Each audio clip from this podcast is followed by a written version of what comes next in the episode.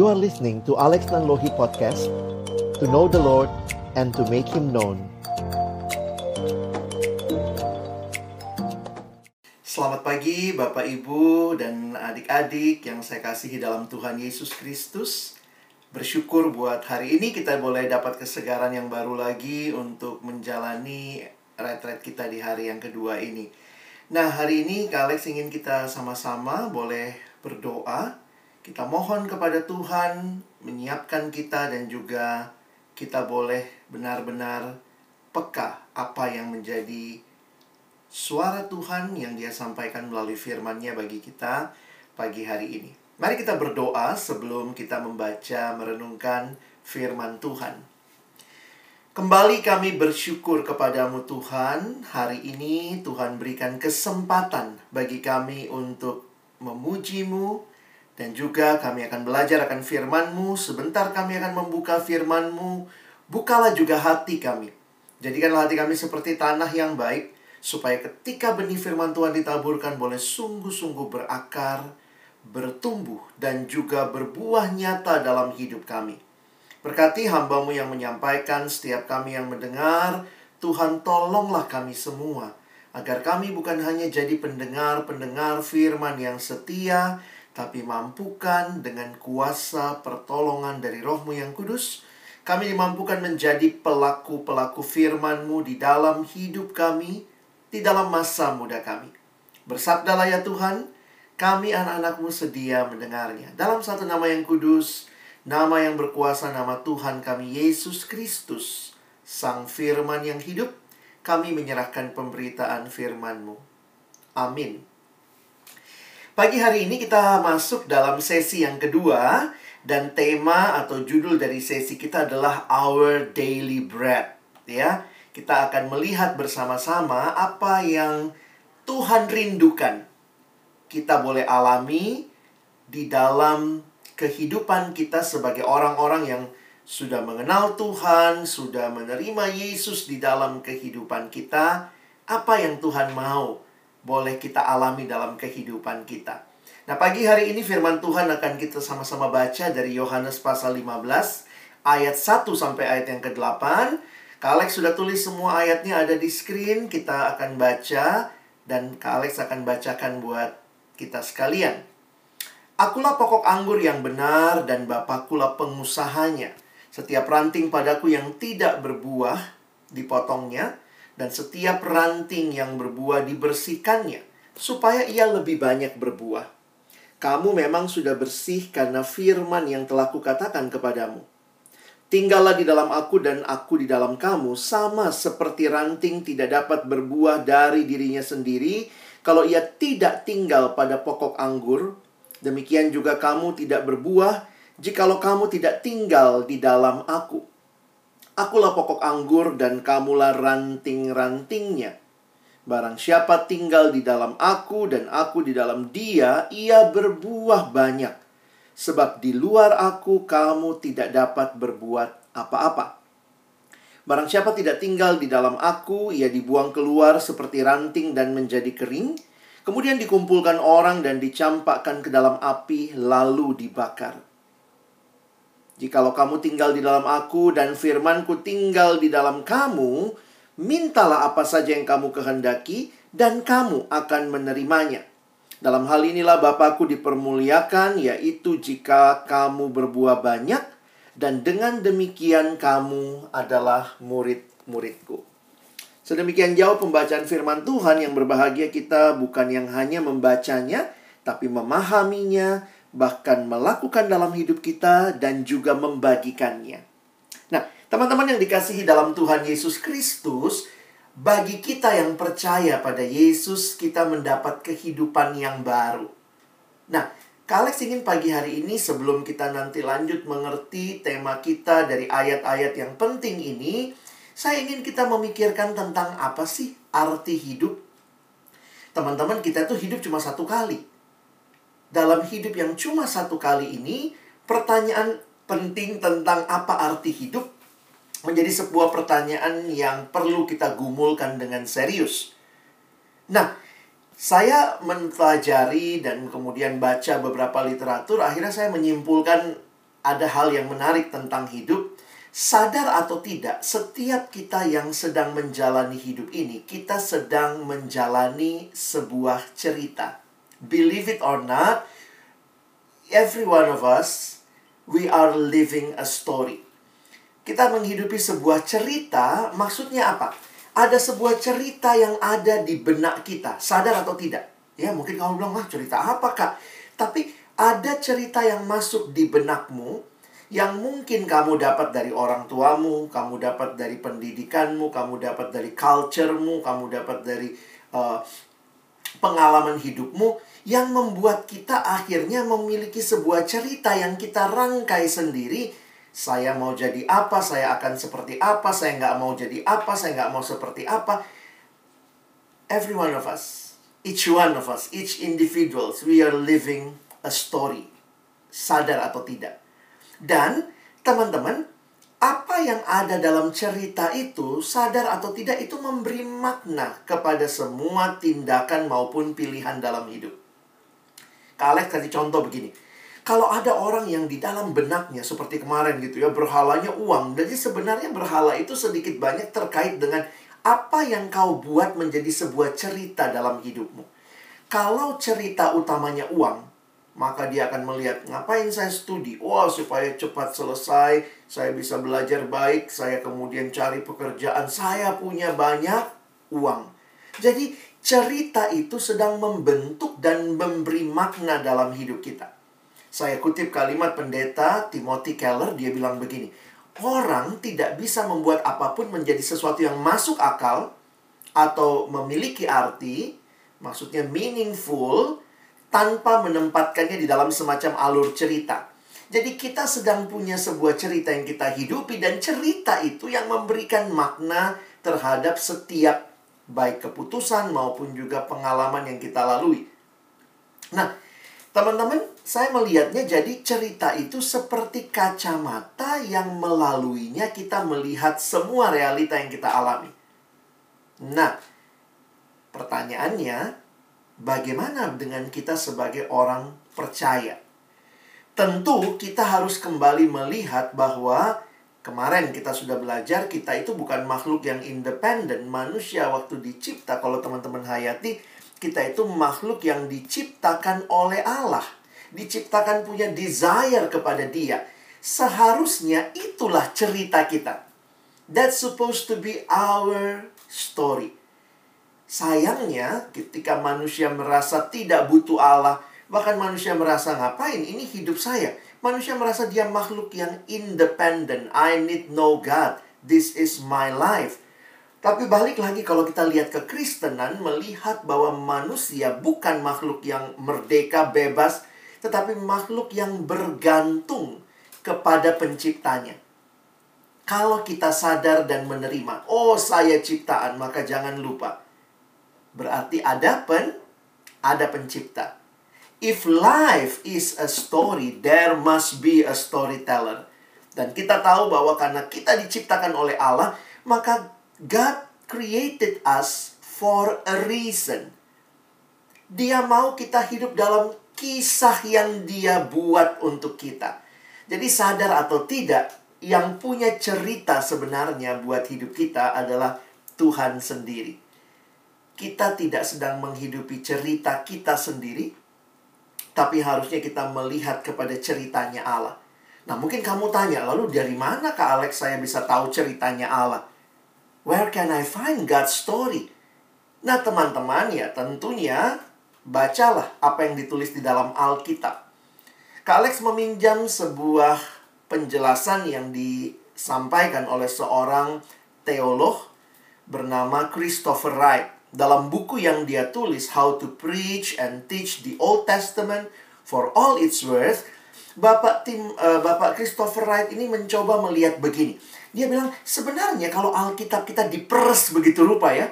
Alkitab itu diambil sarinya. Memang dalam Alkitab banyak cerita. Ada ceritanya Abraham, ada ceritanya Musa, ada ceritanya Daud, ada ceritanya Petrus, Paulus.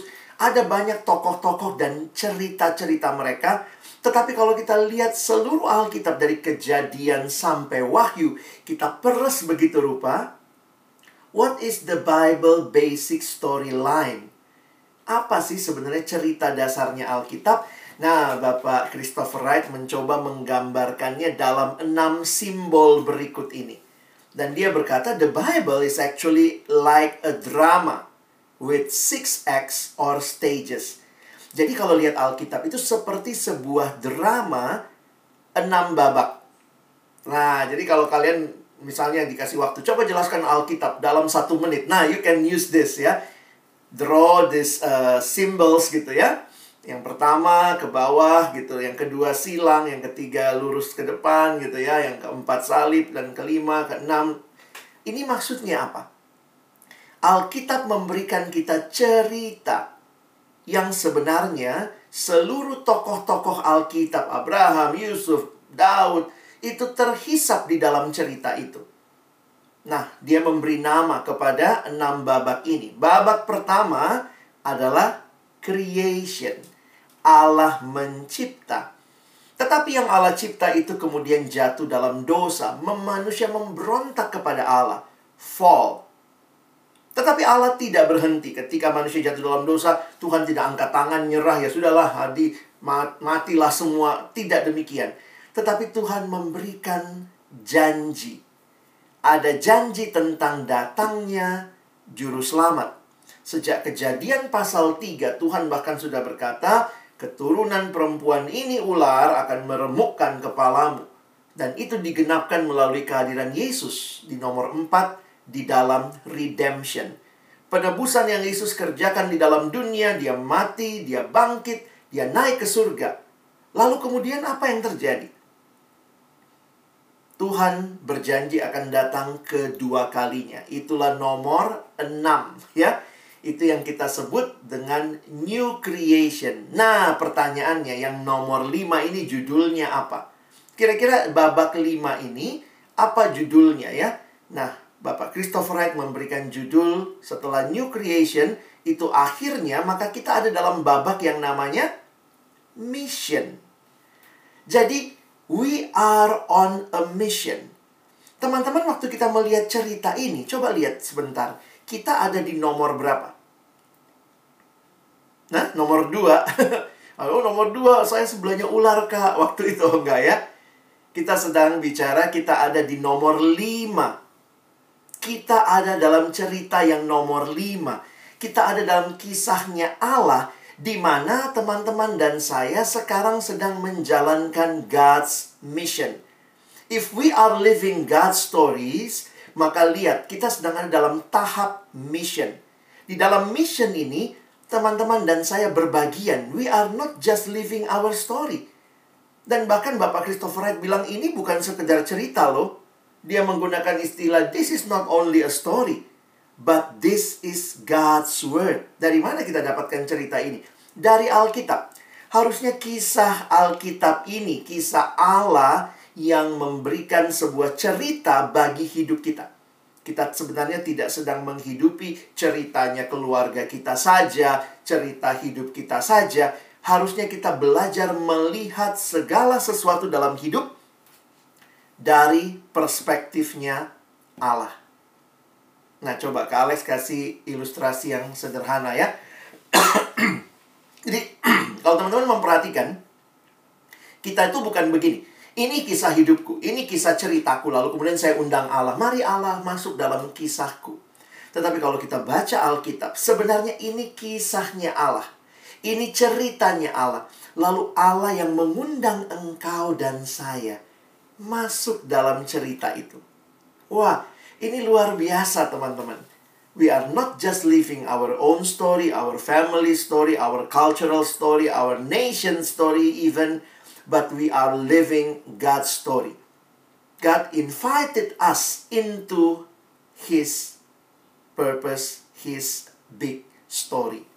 Teman-teman kalian kasih contoh gini ya, coba bayangkan aja. Wah, misalnya kalian penggemar drama Korea. Wah, lalu kemudian ada penulis naskah dan sutradara jadi dia seorang penulis naskah, dia seorang sutradara yang bikin naskah baru untuk drama Korea yang diharapkan hits tahun 2022 nanti.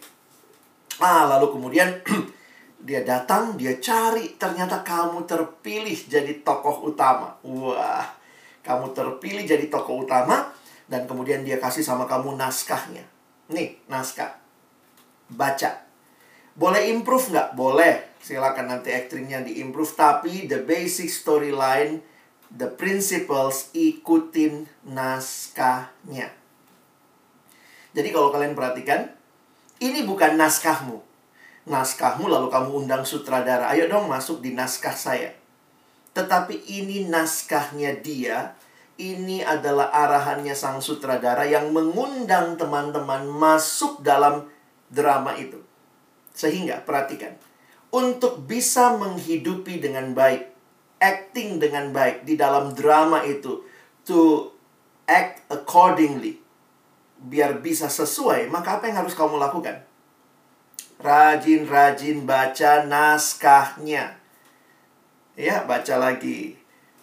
Kalau orang mau main sinetron, main film, katanya ada pembacaan naskah ya, script reading. Nah, itu dilakukan berkali-kali.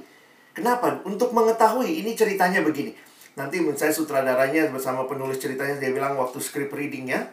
Nanti kalau di bagian sini saya mau moodnya tuh agak kamu emosional ya. Nah di bagian sini kamu happy kamu coba ekspresikan. Jadi sebelum main drama sudah dikasih skripnya diarahkan. Baca ya. Waktu kamu baca, kamu akan tahu nih, kamu harus seperti apa. Nah teman-teman, saya pikir ini satu ilustrasi yang sederhana. Yang mau menyatakan kita bukan sedang menghidupi naskah kita. Teman-teman dan saya ciptaan. Karena kita ciptaan, Tuhan punya naskah. Karena dia ciptakan kita, Tuhan ciptakan kita punya tujuan. We are here for a purpose. Dan karena itu mari act out our life according to God's story dan kita harus rajin-rajin baca naskahnya. Ya, rajin-rajin baca naskahnya karena dari mana kita tahu bagaimana harus hidup. Apa yang dilakukan dalam hidup. Nanti kalau saya punya orang tua, bagaimana dengan orang tua saya? Kalau nanti saya punya teman, bagaimana dengan teman saya? Kalau saya nanti punya guru, bagaimana guru saya? Kalau saya hidup di sebuah bangsa, negara, bagaimana sikap saya? Kalau nanti saya hidup dalam uh, pernikahan, harus seperti apa? Naskahnya sudah memberikan kepada kita guidelines how we supposed to live in God's mission. Ini sedang ada dalam misinya Allah. Nah, karena itu teman-teman, sesi hari ini waktu Kak Alex tadi membaca, ajak kalian baca Yohanes 15, Tuhan Yesus itu menggambarkan satu hal yang sangat indah antara dirinya dengan murid-muridnya. Nggak bisa dong kalau misalnya kamu bilang terima naskahnya drama Korea itu lalu kamu bilang ya udah saya nggak mau ketemu penulis naskahnya nggak mau ketemu sutradaranya saya cuma mau hidup aja sendiri ini hidup saya Loh, itu miss the point. Karena itu waktu Yesus bicara dengan murid-muridnya, ada gambaran yang menarik ya. Kira-kira begini ya. Tuhan Yesus mau menggambarkan hidup yang sudah ditebus oleh Yesus itu miliknya. Namanya ditebus, ditebus itu kan gambarannya dibayarkan uang atau ditukar dengan barang. Siapa yang ditebus oleh Yesus mengalami redemption, now you are his. We are his kita adalah miliknya Yesus yang harusnya punya relasi, ya. Seperti relasi dengan sang penulis naskah. Jadi, dulunya kita memang diciptakan dengan desire untuk Tuhan, dosa merusak desire itu, kita pikir I live out my own desire, then Jesus came to redeem us. Redemption terjadi, Yesus menebus kita kembali kepada apa yang jadi rencana Tuhan? Hati yang kembali desiring God. Nah, inilah Tuhan mau bukan desiring God satu kesempatan. Wah, satu hari desiring God, besok desiring dunia lagi. Hari ini desiring God, minggu ini desiring God, minggu depan mulai lagi desiring dunia. No. Karena itu Tuhan mau relasi dengan kita yang seperti yang kita baca tadi. Tuhan Yesus menggambarkan antara relasi dia dengan murid-muridnya. Yesus bilang apa? Akulah pokok anggur, kamu ranting, rantingnya. Coba bayangkan, yang mana yang bergantung ke yang mana? ranting bergantung ke pokok anggur atau pokok anggur yang bergantung ke ranting? Ya di mana-mana kita tahu harusnya pokok anggur yang bergantung kepada ranting. Jadi harusnya kita itu hidup melekat dengan Tuhan. Kenapa? Itulah rancangan yang Tuhan berikan. Jadi saya coba membayangkan ya, relasi seperti apa yang Yesus rindukan dengan murid-muridnya. Relasi sedekat antara pokok anggur dengan ranting. Wow, itu luar biasa ya. Nggak ada ranting yang tiba-tiba bilang sama pokok anggur, maaf ya pokok anggur ya, saya mau cuti dulu 2 tahun, nggak, nggak usah melekat. Begitu dia copot dari pokok anggur, sebenarnya dia sudah MPP teman-teman ya, mati pelan-pelan. Jadi Tuhan rindu relasi dengan kita. Nah, itulah yang harusnya kita alami dan nikmati. Sesudah Tuhan selamatkan kita, Dia tebus kita, kita miliknya. Sekarang kita akan masuk lebih dalam lagi, lebih utuh lagi di dalam kisahnya Allah. Dan Allah rindu teman-teman dan saya terus membangun relasi itu dengan Tuhan. Wah, ini yang saya harap kita pahami ya. Dan ada satu hal yang menarik seperti apakah relasi yang Tuhan rindukan antara dirinya dengan murid-muridnya.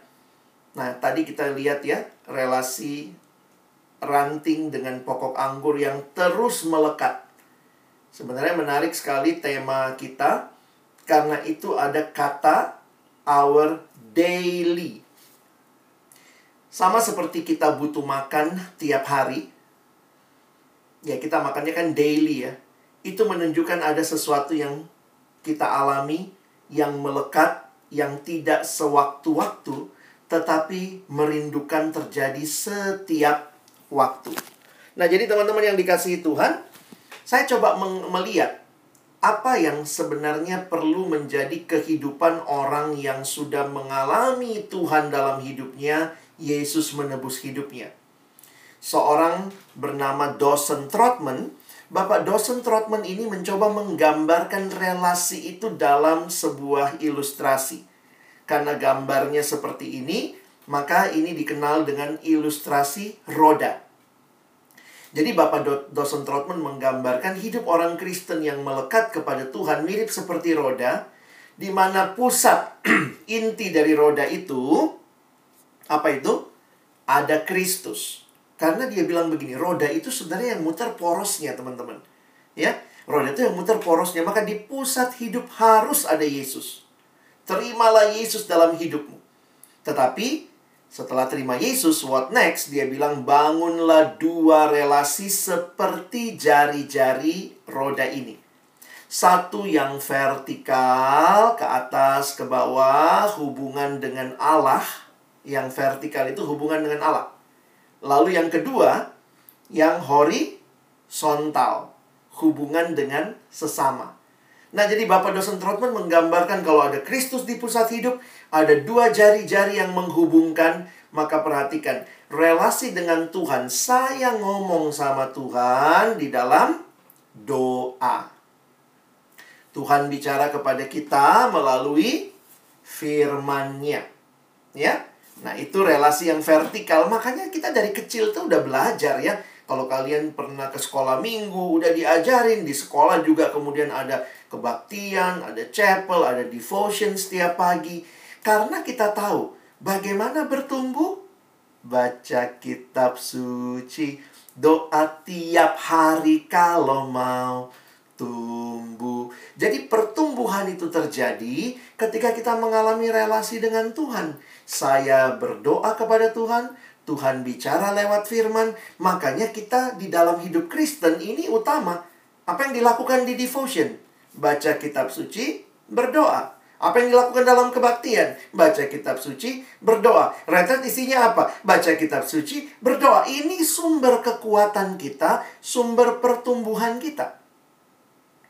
Tapi kemudian Bapak dosen Trotman berkata, sebenarnya yang namanya relasi vertikal dengan Tuhan harus nyata juga dalam relasi horizontal. Nah, ini tema Kak Alex di sesi 3 nanti, ya. Di sesi 3 kita akan bicara bagaimana relasi yang horizontal lebih jauh. Tetapi dia menggambarkan relasi dengan sesama, dia bagi dua. Dengan orang yang sama-sama percaya Yesus, kita harus rajin bersekutu. Ada kata persekutuan di situ. Jadi dia menggambarkan ke dalam, ke dalam kita harus rajin bersekutu dengan sesama orang percaya. Tetapi hidup kita di dunia kan bukan cuma sama orang percaya aja. Masa garam cuma kumpul sama garam, garam cuma kumpul sama garam, lama-lama jadi gudang garam ya. Padahal Yesus bilang begini, kamu adalah garam dunia. Perhatikan ya, Yesus nggak bilang kamu garam. Yesus nggak bilang kamu terang. Yesus bilangnya kamu garam dunia. Kamu terang dunia. Jadi Yesus memberikan konteks di mana teman-teman dan saya harus hadir. Di dunia. Jadilah terang di sana. Jadilah garam di sana. Karena itu, bagi orang yang belum percaya, bagian kita bersaksi. Ke dalam sesama orang percaya bersekutu, keluar kepada mereka yang belum percaya, kita bersaksi. Jadi hidup Kristen yang taat bukan cuma yang vertikalnya saja, tapi juga yang horizontal terjadi dalam hidupmu. Nah, inilah yang kita sering kali sebut dengan disiplin rohani. Ya, disiplin rohani seperti gambaran terus melekat. Ranting itu harus disiplin melekat ya, harus terus melekat maka dia harus mengupayakan apa yang dia lakukan itu adalah yang kita sebut sebagai disiplin rohani. Teman-teman harus bisa bedakan sebenarnya disiplin itu beda dengan kewajiban. Banyak agama mengajarkan kewajiban rohani. Lakukan ini supaya selamat. Lakukan ini supaya selamat. Makanya jadi kewajiban rohani. Supaya selamat, lakukan ini. Kekristenan berbeda sekali kita mengenal istilah disiplin rohani karena hal-hal ini tidak membawa keselamatan. Kita itu selamat karena karya Kristus. Sekali lagi saya ulangi. Kekristenan mengajarkan selamat bukan karena apa yang saya lakukan bagi Tuhan, tapi apa yang Tuhan lakukan bagi saya. Apa yang Tuhan lakukan bagi saya? Dia mati di kayu salib, dia menyelamatkan saya, dia menebus saya. Sekarang saya sudah selamat. Saya yang percaya kepadanya, saya selamat. Nah, kalau saya sudah selamat, bagaimana saya melihat hal-hal tadi? Hal apa tuh? Baca kitab suci, berdoa, bersekutu, bersaksi, melayani. Pertanyaan ke Alex begini. Kita lakukan semua ini supaya selamat. Kamu harus rajin baca Alkitab supaya selamat. Bukan demikian ini adalah respon yang harusnya terjadi dari orang yang hidupnya diselamatkan. Karena itu kekristenan tidak menggunakan istilah ini sebagai kewajiban rohani supaya selamat. Bukan. Ini disiplin rohani yang dialami oleh orang yang sudah diselamatkan. Nah ini beda banget ya. Tapi coba kalian cerna, ke Alex percaya kalian bisa memahami. Kekristenan tidak bicara kewajiban rohani supaya selamat, Kekristenan bicara disiplin rohani justru karena kita sudah mengalami keselamatan dari dari Yesus. Alex kasih contoh begini. Contoh lah ya. Kamu tinggal di rumah nih sama papa mama. Ya, anggaplah kamu tinggal di rumah sama papa mama, ya sebagian besar pasti gitu ya. Terus kamu pagi-pagi bangun ya, bangun nyapu, oh jadi anak baik nyapu, kamu ngepel ya anggaplah mbaknya lagi sakit kali ya jadi kamu nyapu kamu ngepel kamu bantuin papa nyuci mobil kamu bantuin mama di dapur masak kamu bersih bersih rumah nah kak Alex mau nanya kamu lakukan itu supaya jadi anak atau karena kamu anak ayo Kan nggak mungkin ya kamu rajin nyapu-nyapu segala macam lalu kemudian habis nyapu, ngepel, beresin tempat tidurmu, bikin proposal. Papa, mama, terima saya sebagai anak. Orang tua kamu pasti langsung bilang, tuh anakku mulai miring nih. Kita melakukan itu karena kita anak. Jadi itu bukan kewajiban. Papa mama bukan bilang, cuci baju, cuci piring, nyapu, ngepel, supaya kamu kami terima jadi anak. Saya pikir nggak begitu. Kamu anak mereka. Dan karena kamu anak, responmu. Saya mau disiplin. Setiap hari saya mau kasih waktu bantu papa. Saya mau disiplin, kasih waktu bantu mama. Jadi beda ya. Disiplin dilakukan karena kesadaran kita telah menerima sesuatu. Kalex ulangi. Disiplin dilakukan karena kesadaran saya sudah menerima sesuatu. Kewajiban adalah sesuatu yang dilakukan dengan kema, ke, apa dengan kerinduan dapat sesuatu. Jadi beda sekali. Jadi kenapa kita orang Kristen harus rajin baca kitab suci, berdoa bukan supaya jadi anak Tuhan. Kita sudah anak Tuhan melalui karya penebusan Yesus Kristus. Jadi kita harus disiplin. Sekarang ayo kita disiplin. Sekolah menolong kalian disiplin setiap hari baca kitab suci dan berdoa. Kenapa? Kamu sudah diselamatkan dalam Yesus. Ayo belajar dengar-dengaran. Kita ada chapel, kita ada devotion, hari Minggu kalian ke gereja mungkin. Itu semua adalah bentuk disiplin rohani sebagai orang-orang yang telah mengalami karya Kristus. Nah, disiplin ini yang Kak Alex ingin kita pahami, Yesus kasih gambarannya. Belajar tinggal tetap. Kalau kalian baca lagi Yohanes 15 tadi, banyak loh banget, banyak banget kata tinggal. Tinggal dalam aku, tinggal dalam aku, tinggal dalam aku. Tuhan Yesus mau bilang begini, kamu kan sudah kuselamatin. Ayo dong, tinggal dalam aku. Itu responmu. Itu disiplin yang perlu teman-teman dan saya bangun. Nah, coba perhatikan begini ya. Disiplinnya kayak apa ini? Kalex coba membayangkan relasi dengan Tuhan itu yang Tuhan rindukan dengan kita tuh relasinya harusnya begini nih. Relasi ada tiga hal ya. Pribadi, continue, konsisten. Pribadi berarti personal. Lalu yang kedua, continue terus-menerus, konsisten tetap. Demikian juga ranting kan. Nah, bayang Yesus bilang begini kan, kamu harus tinggal di dalam aku. Kalimatnya menarik nih. Akulah pokok anggur yang benar, akulah pokok anggur dan kamulah ranting-rantingnya. Barang siapa tinggal di dalam aku dan aku di dalam dia, maka ia berbuah banyak. Sebab di luar aku kamu tidak dapat berbuat apa-apa. Jadi Kalex lagi mikir gini, gimana supaya saya bisa berbuah banyak? Yesus bilang ya tinggal di dalam aku. Tinggalnya tuh dalam relasi seperti apa? Pribadi, continue, konsisten. Kalex dapat dari mana hal ini ya? Waktu saya renung-renungkan dulu ya. Ini kaitannya dengan kehidupan kita ya. Kayak Tuhan tuh kasih gambaran yang jelas dalam hidup. Contoh nih ya. Teman-teman kan manusia ya. Bapak Ibu guru juga. Kalex juga manusia. Nah pertanyaan Kalex ini. Satu hari kalau kamu butuh oksigen berapa liter? Hai pengguna oksigen. Berapa liter oksigen yang kau butuhkan? uh, nah, katanya ini manusia normal. Man manusia normal itu kalau uh, satu hari butuh oksigen katanya kira-kira 200 liter. Nah, itu menurut penelitian. Nanti kalian baca lagi literatur ya. Tapi anggaplah gitu ya, hmm, satu hari kita butuh 200 liter oksigen. Nah, menariknya, rongga paru-paru orang dewasa, kalian mau udah dewasa ya, remaja tuh udah dewasa. Rongga paru-paru orang dewasa itu maksimal hanya menampung 5 liter. Sementara kita butuh satu hari 200 liter. Nah, nggak ada juga orang yang napas sampai memakai seluruh kapasitas paru-parunya. Ya, kita napas tuh paling berapa cc. Gitu ya. Nggak ada yang langsung hmm, sampai 5 liter begitu ya. Nah, sekarang begini. Kamu butuh oksigen. Tapi pola penggunaan oksigennya itu seperti apa? Saya pikir persis dengan ini.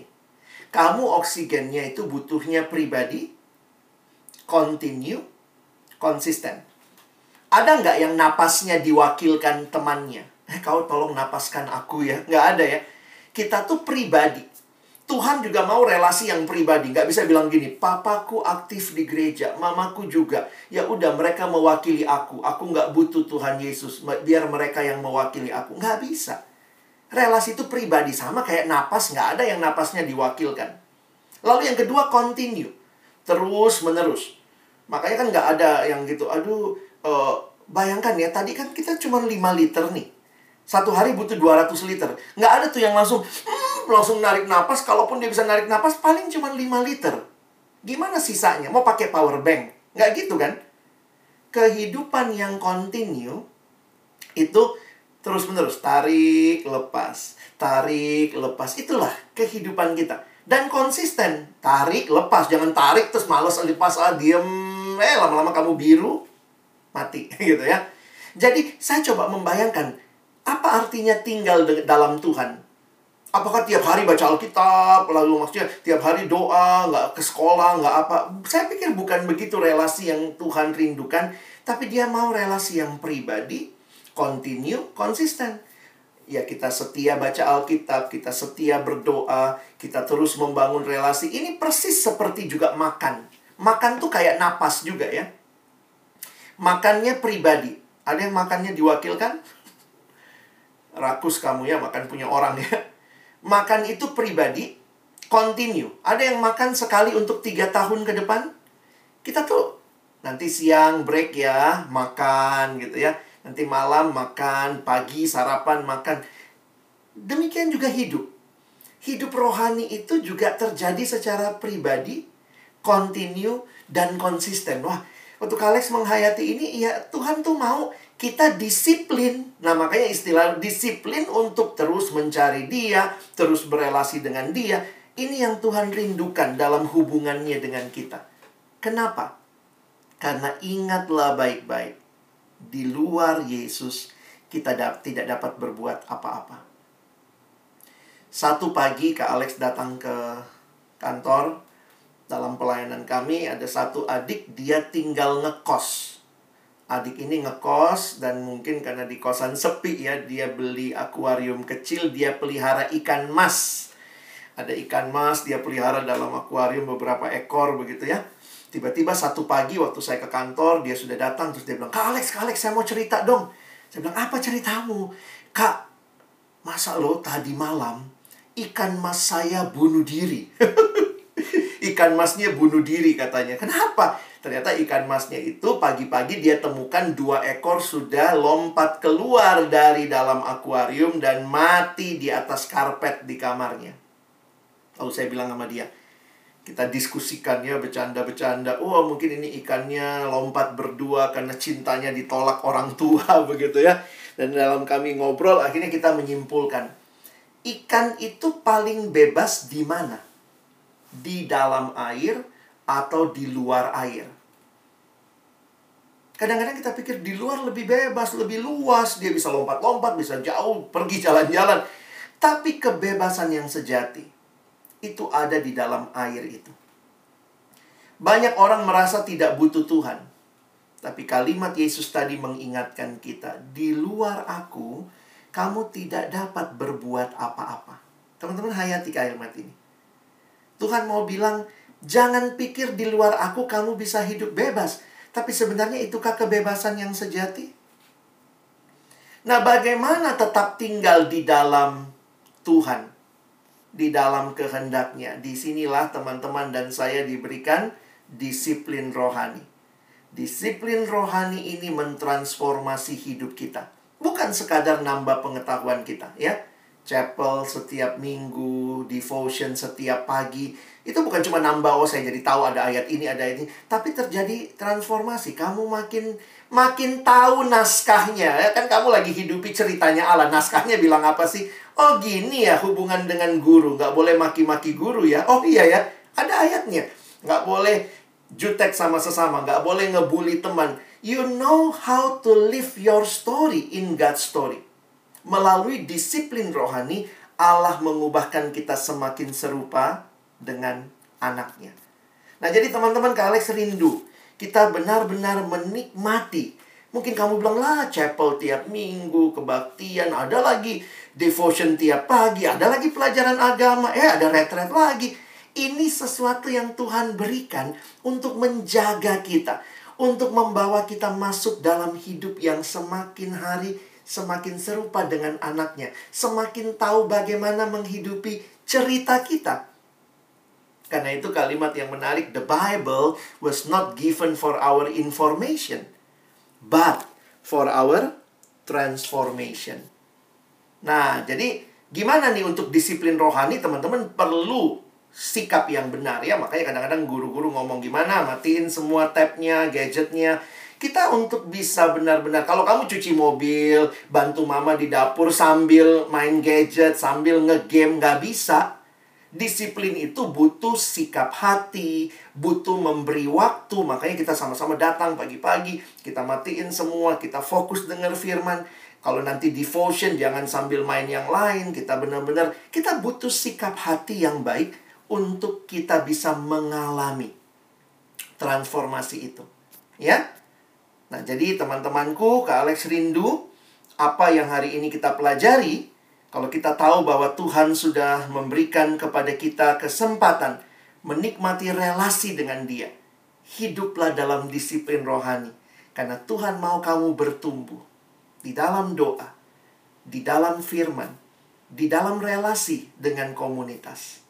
Nah, nikmatilah. Dan ingat, disiplin butuh konsistensi, butuh kontinuitas. Makanya hari ini kita belajar bukan cuma our bread, makan itu our daily bread. It's like telling ourselves, we need God every single hour. We need God every single day. Bahkan ya, kalau kita mau lebih jujur lagi ya, setiap detik hidup kita, kita sangat membutuhkan Allah. Mari jadi ranting yang tetap tinggal pada pokok anggur supaya akhirnya hidup kita boleh berbuah. Amin. Mari kita berdoa.